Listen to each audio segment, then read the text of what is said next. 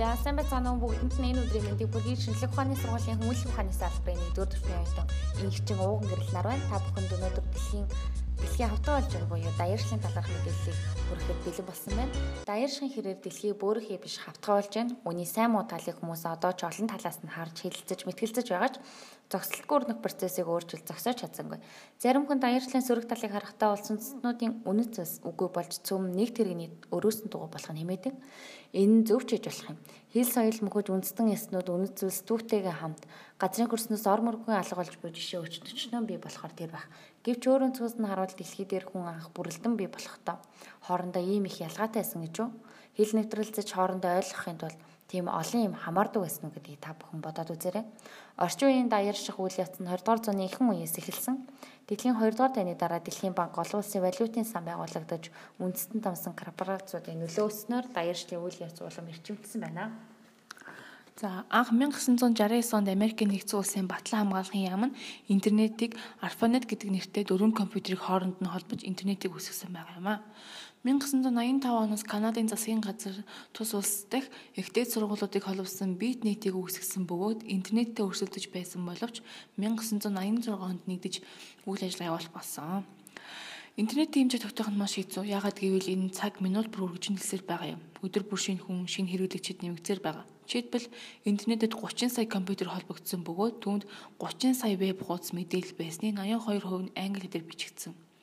Гэвч 1999 онд 100 сая веб хуудас ашиглах боломжтой байгаагийн 60% нь зөвхөн англи хэлээр бичигдсэн байгаа.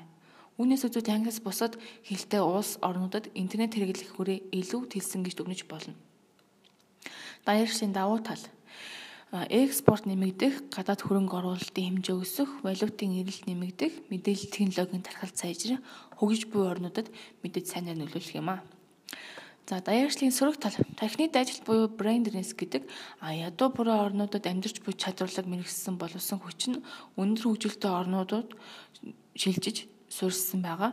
А үндэстэн дамсан корпорациудын дампуурл аль нэг улс дахь үйлдвэрээ хаах үед олон мянган ажилчин ажилгүй болж энэ тухайн улсын эдийн засагт хүчтэй цохилт болох тохиолдол байдаг.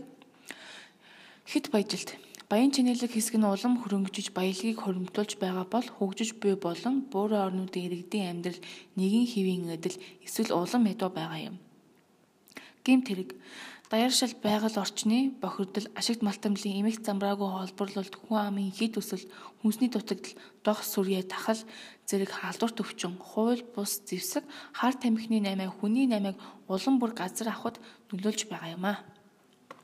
За улс орнуудын даяаршлын төгсгийг тооцоолоход улс орны дотоод гадаад худалдаа, дотоодын нийт бүтээгдэхүүн, үндэсний нийт бүтээгдэхүүн тухайн улс гадаадын ажилчид авч байгаа эсэх, импортын бараан тавьж буй гайлын татвар, иргэдийн гадаад руу ярьж буй ярианы минут, гаднаас ирж буй жуулчид түүний улс орон дахь нөлөөлөл болон гадагшаа явж буй жуулчид Интернет гадны телевиз сонин сэтгүүлийн хэрэглээ Холливуудын киног үндэсний театрууд үзүүлдэг хэсэг, англи хүүхдүүд хит парадад орж буй хэсэг, нэгдсэн үндэсний байгууллагын ихэнх сахиулах ажиллагаанд хэр идэвхтэй оролцдог зэрэгүүдийг авч үзэн энэ тгсийг нь тооцоолдог байгаа.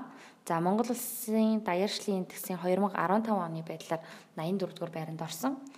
За даяаршил нь өрөндийн соёл болон түүний дотор Америкийн соёл дэлхийд дахинд хүчтэй нөлөөлөх болсон. Жишээлбэл Game of Thrones, NBA гэх зэрэг телевизийн шоу, кино, нэвтрүүлгүүдийг дэлхийн өнцөг болон бүрт үзэж байна а мөн YouTube, Instagram, Facebook-ээр дамжин соёлын солилцоо явагдаж найз нөхдийн хүрээ тэлж байна.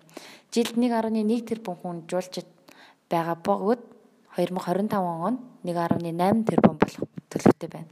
Мэдээллийн CNN, BBC суваг дэлхийн а дэлхийн 200 гаруй улсад нэвтрүүлгээ засаж жирийн иргэнээс төрийн тэргуун хүртэл эндээс мэдээлэл авах болжээ. За дүгнэлт нь гэвэл даяаршилт муу талууд байгаа ч гэсэн сайн талуудаа ашиглаж чадах юм бол илүү хөгжүүлэх юм бол улс орнуудын даяаршлын индекс нэмэгдэнэ гэж бодож байна. За тэгээд анхаарал тавьсан нь баярлалаа.